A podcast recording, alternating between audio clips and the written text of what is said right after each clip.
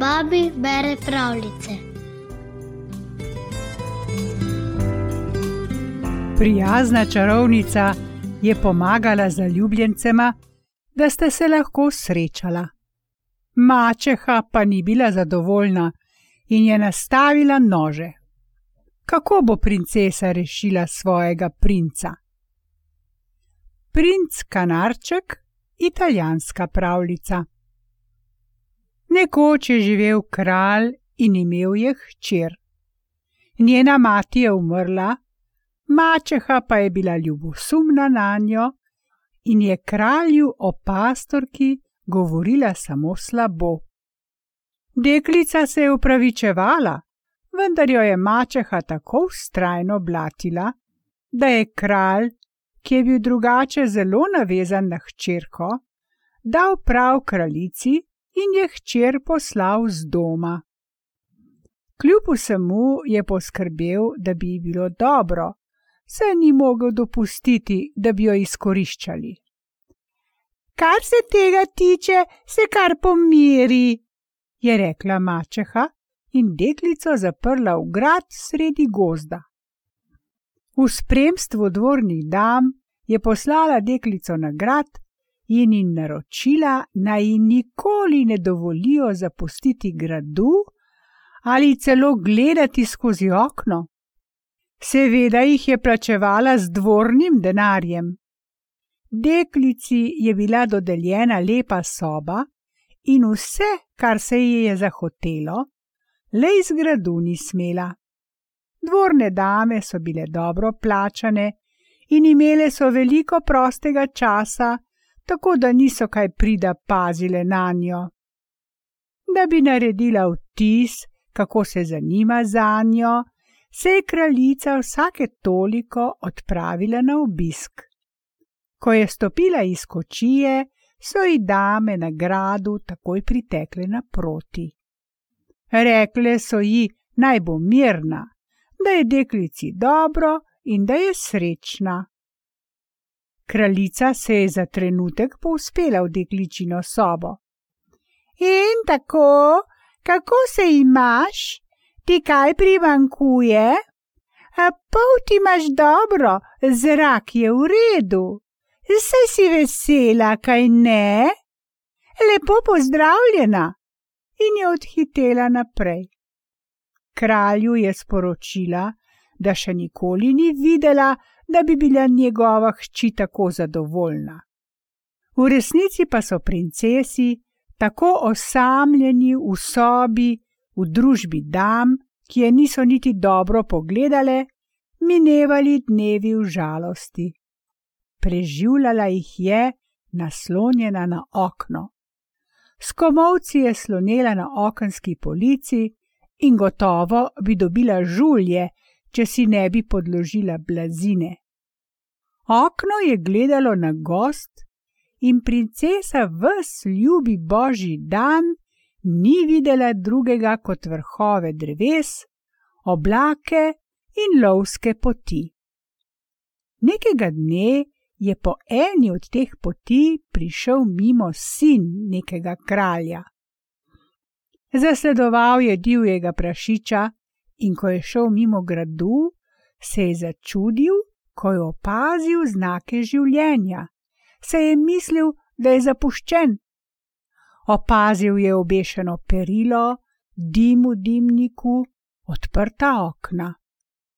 Vsemu temu se je čudil ko je nenadoma zagledal lepo deklico, slonečo na oknu in se ji nasmehnil. Tudi deklica je opazila princa v rumeni obleki, z lovskimi golenicami in spihalnikom. Strmel je navzgor in se ji smejal, pa tudi samo mu je vračala na smeh. In tako sta se uro gledala in se smehljala drug drugemu, si delala poklone in kazala druge spoštljivosti, saj ima razdalja, ki jo je ločevala, ni dovolila česa drugega.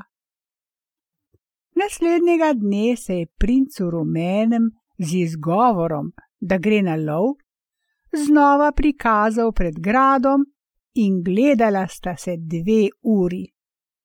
Tokrat sta si poleg nasmehov, poklonov in drugih spoštljivosti položila še roko na srce in si dolgo mahala z robci.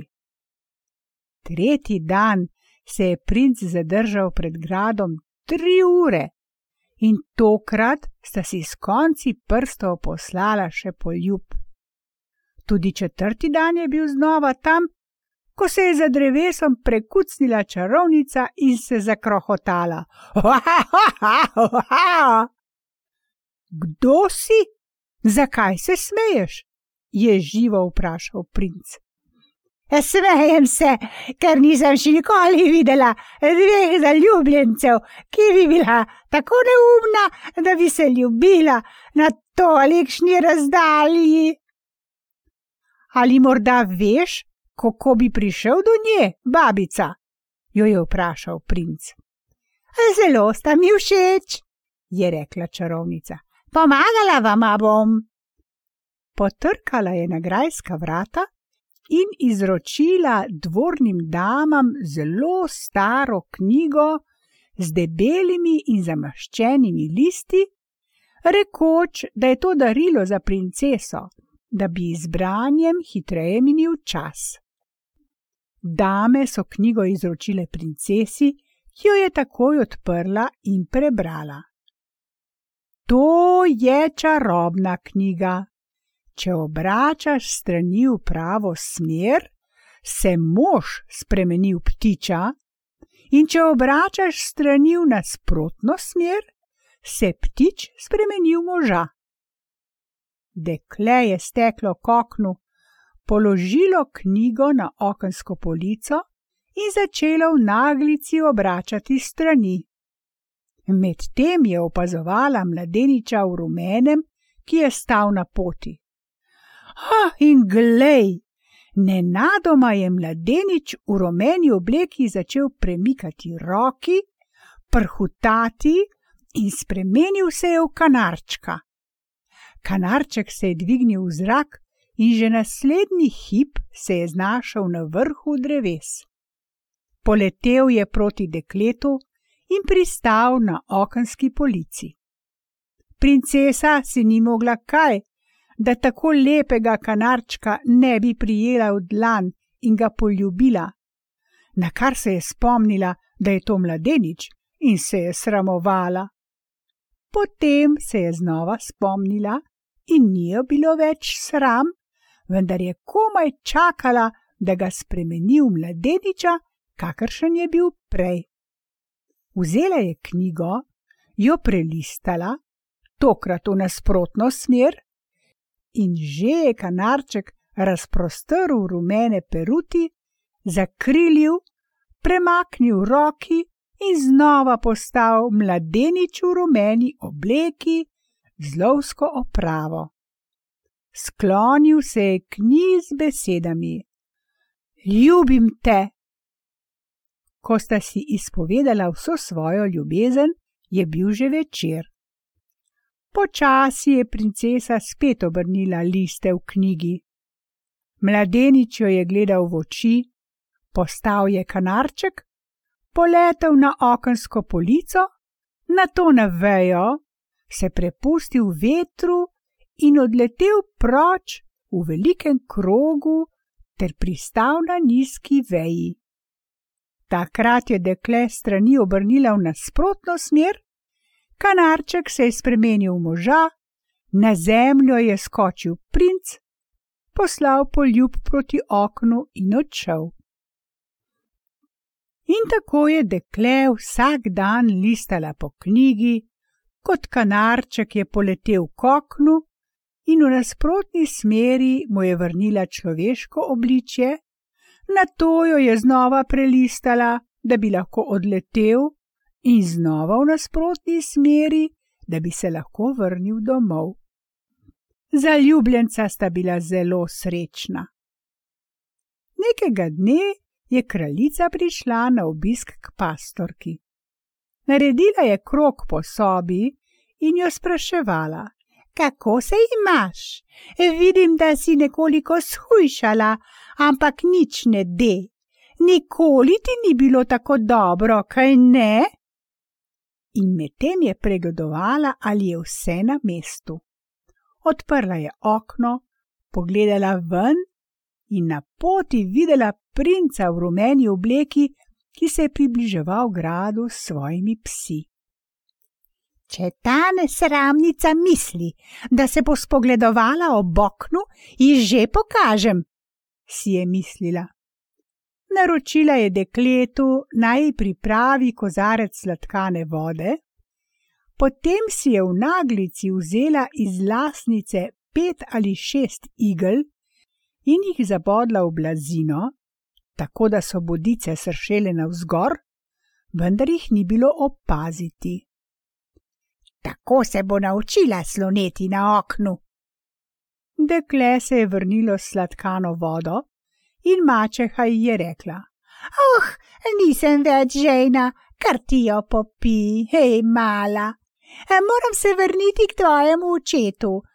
Se ne potrebuješ ničesar, kaj ne? Z Bogom torej. In je odšla.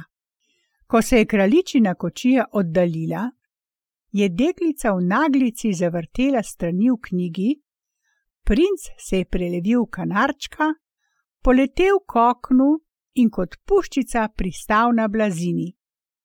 Zaslišalo se je boleče javkanje. Rumena peresa so se krvavo pobarvala, kanarček se je nabodel na igle. Dvignil se je, obupano zakrilil s perutmi, se prepustil vetru, padal v negotovih krogih in pristal na tleh z razprtimi krili. Prestrašena princesa je, ne da bi dojela, kaj se je zgodilo, hitro obrnila strani v nasprotni smeri, v upanju, da bodo princu v človeški podobi izginile rane.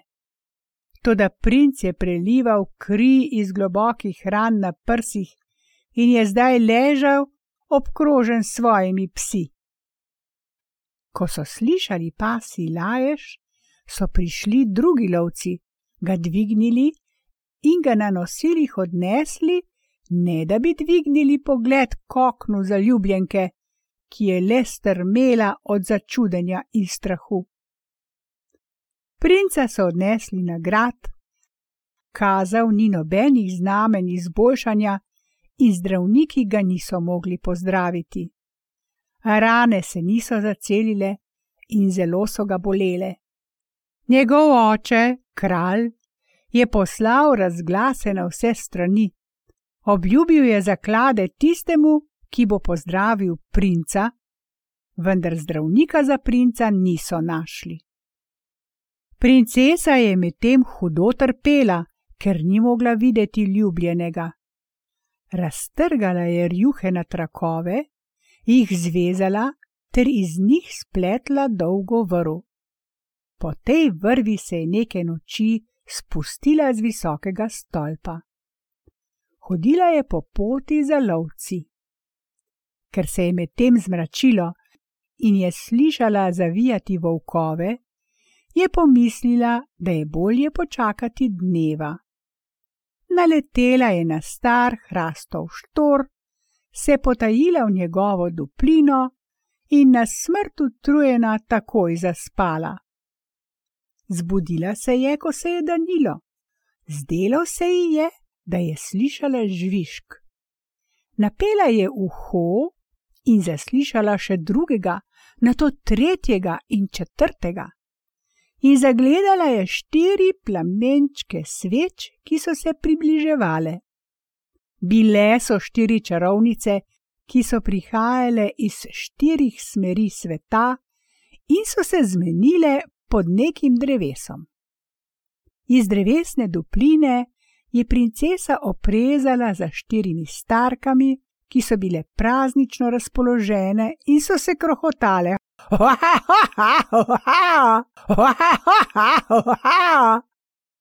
Prižgale so ogenj ob znožju drevesa in sedle, da bi se ogrele, in si pripravile za večerjo nekaj netopirjev. Ko so se najedle, so si pripovedovale, kaj so na svetu videle lepega. Videla sem turškega sultana, ki je kupil dvajset novih žena. Videla sem kitajskega cesarja, ki mu je zrasel čop za tri metre. A videla sem ljudožerskega kralja, ki je po pomoti pojedel služabnika. Jaz pa sem videla bližnjega kralja, ki ima bolnega sina in nihče ne pozna za zdravila, razen mene. In katero je to zdravilo? so vprašale ostale čarovnice. V njegovi sobi je pojoča skrinjica.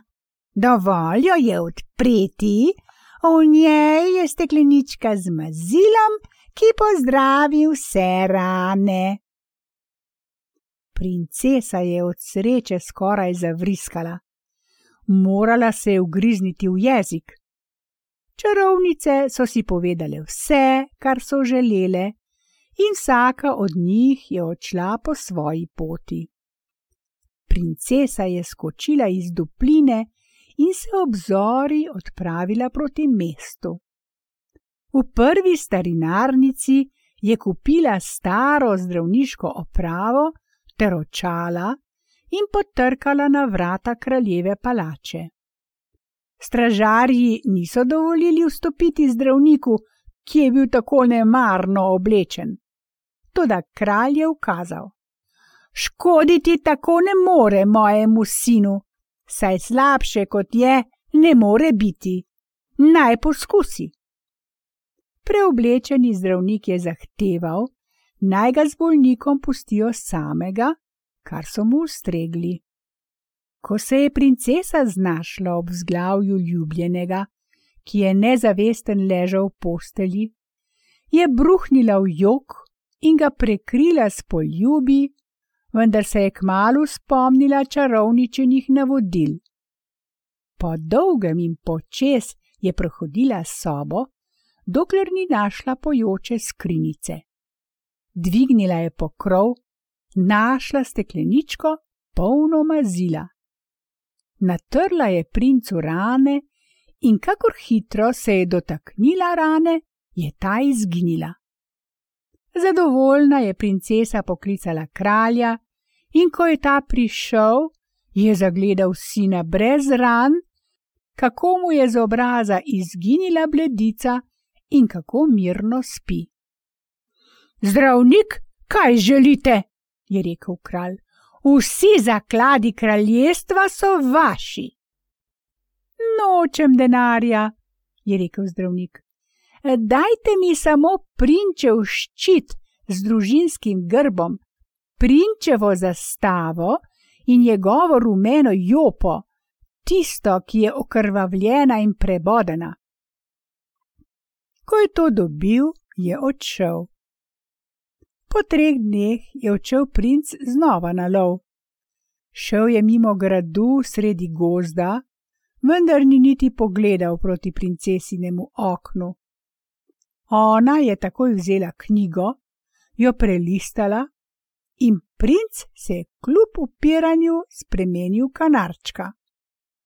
Odletel je princesino sobo tu ga je znova spremenila v moža. Pusti me stran, je rekel, ali ni dovolj, da sem se nabodel na tvoje igle, kar mi je povzročilo toliko bolečin. Prinčeva ljubezen do princese je medtem ugasnila, se je mislil, da je ona vzrok njegovi nesreči. Dekle toliko, da se ni onesvestilo. Ampak jaz sem te rešila, jaz sem te tudi ozdravila. Ni res, je odvrnil princ. Rešil me je tuj zdravnik, ki ni hotel drugega kot družinski grb, zastavo in mojo okrvavljeno jopo. Poglej, tvoj grb, zastava, tvoja jopa, jaz sem tisti zdravnik. Igle so bile krutost moje mačehe. Princ jo je začuden pogledal v oči. Nikoli doslej se mu ni zdela tako lepa. Padel je k njenim nogam, jo prosil odpuščanja in ji izrekel vso hvaležnost in izpovedal ljubezen. Istega večera je povedal svojemu očetu, da se želi poročiti z dekletom iz gradu sredi gozda. Ti lahko poročiš samo kraljevo ali vladarjevo hčer, je rekel oče. Poročil se bom žensko, ki mi je rešila življenje. In pripravili so slavje, na katerega so povabili vse sosedne kralje in kraljice. Prišel je tudi princesin oče, ne da bi kaj vedel. Ko je zagledal svojo hčer, je vzkliknil: Draga hčerka! Kako? se je začudil kralj, prinčev oče. Nevesta mojega sina je vaša hči. Zakaj nam ni nič povedala? Zato, je odgovorila nevesta, ker se ne čutim več hčer moža, ki me je zaprl zaradi mačehe. In s prstom je pokazala na mačeho. Ko je oče dojel vse hčerino trpljenje, je bil ganjen, hkrati pa jezen na hudobno ženo.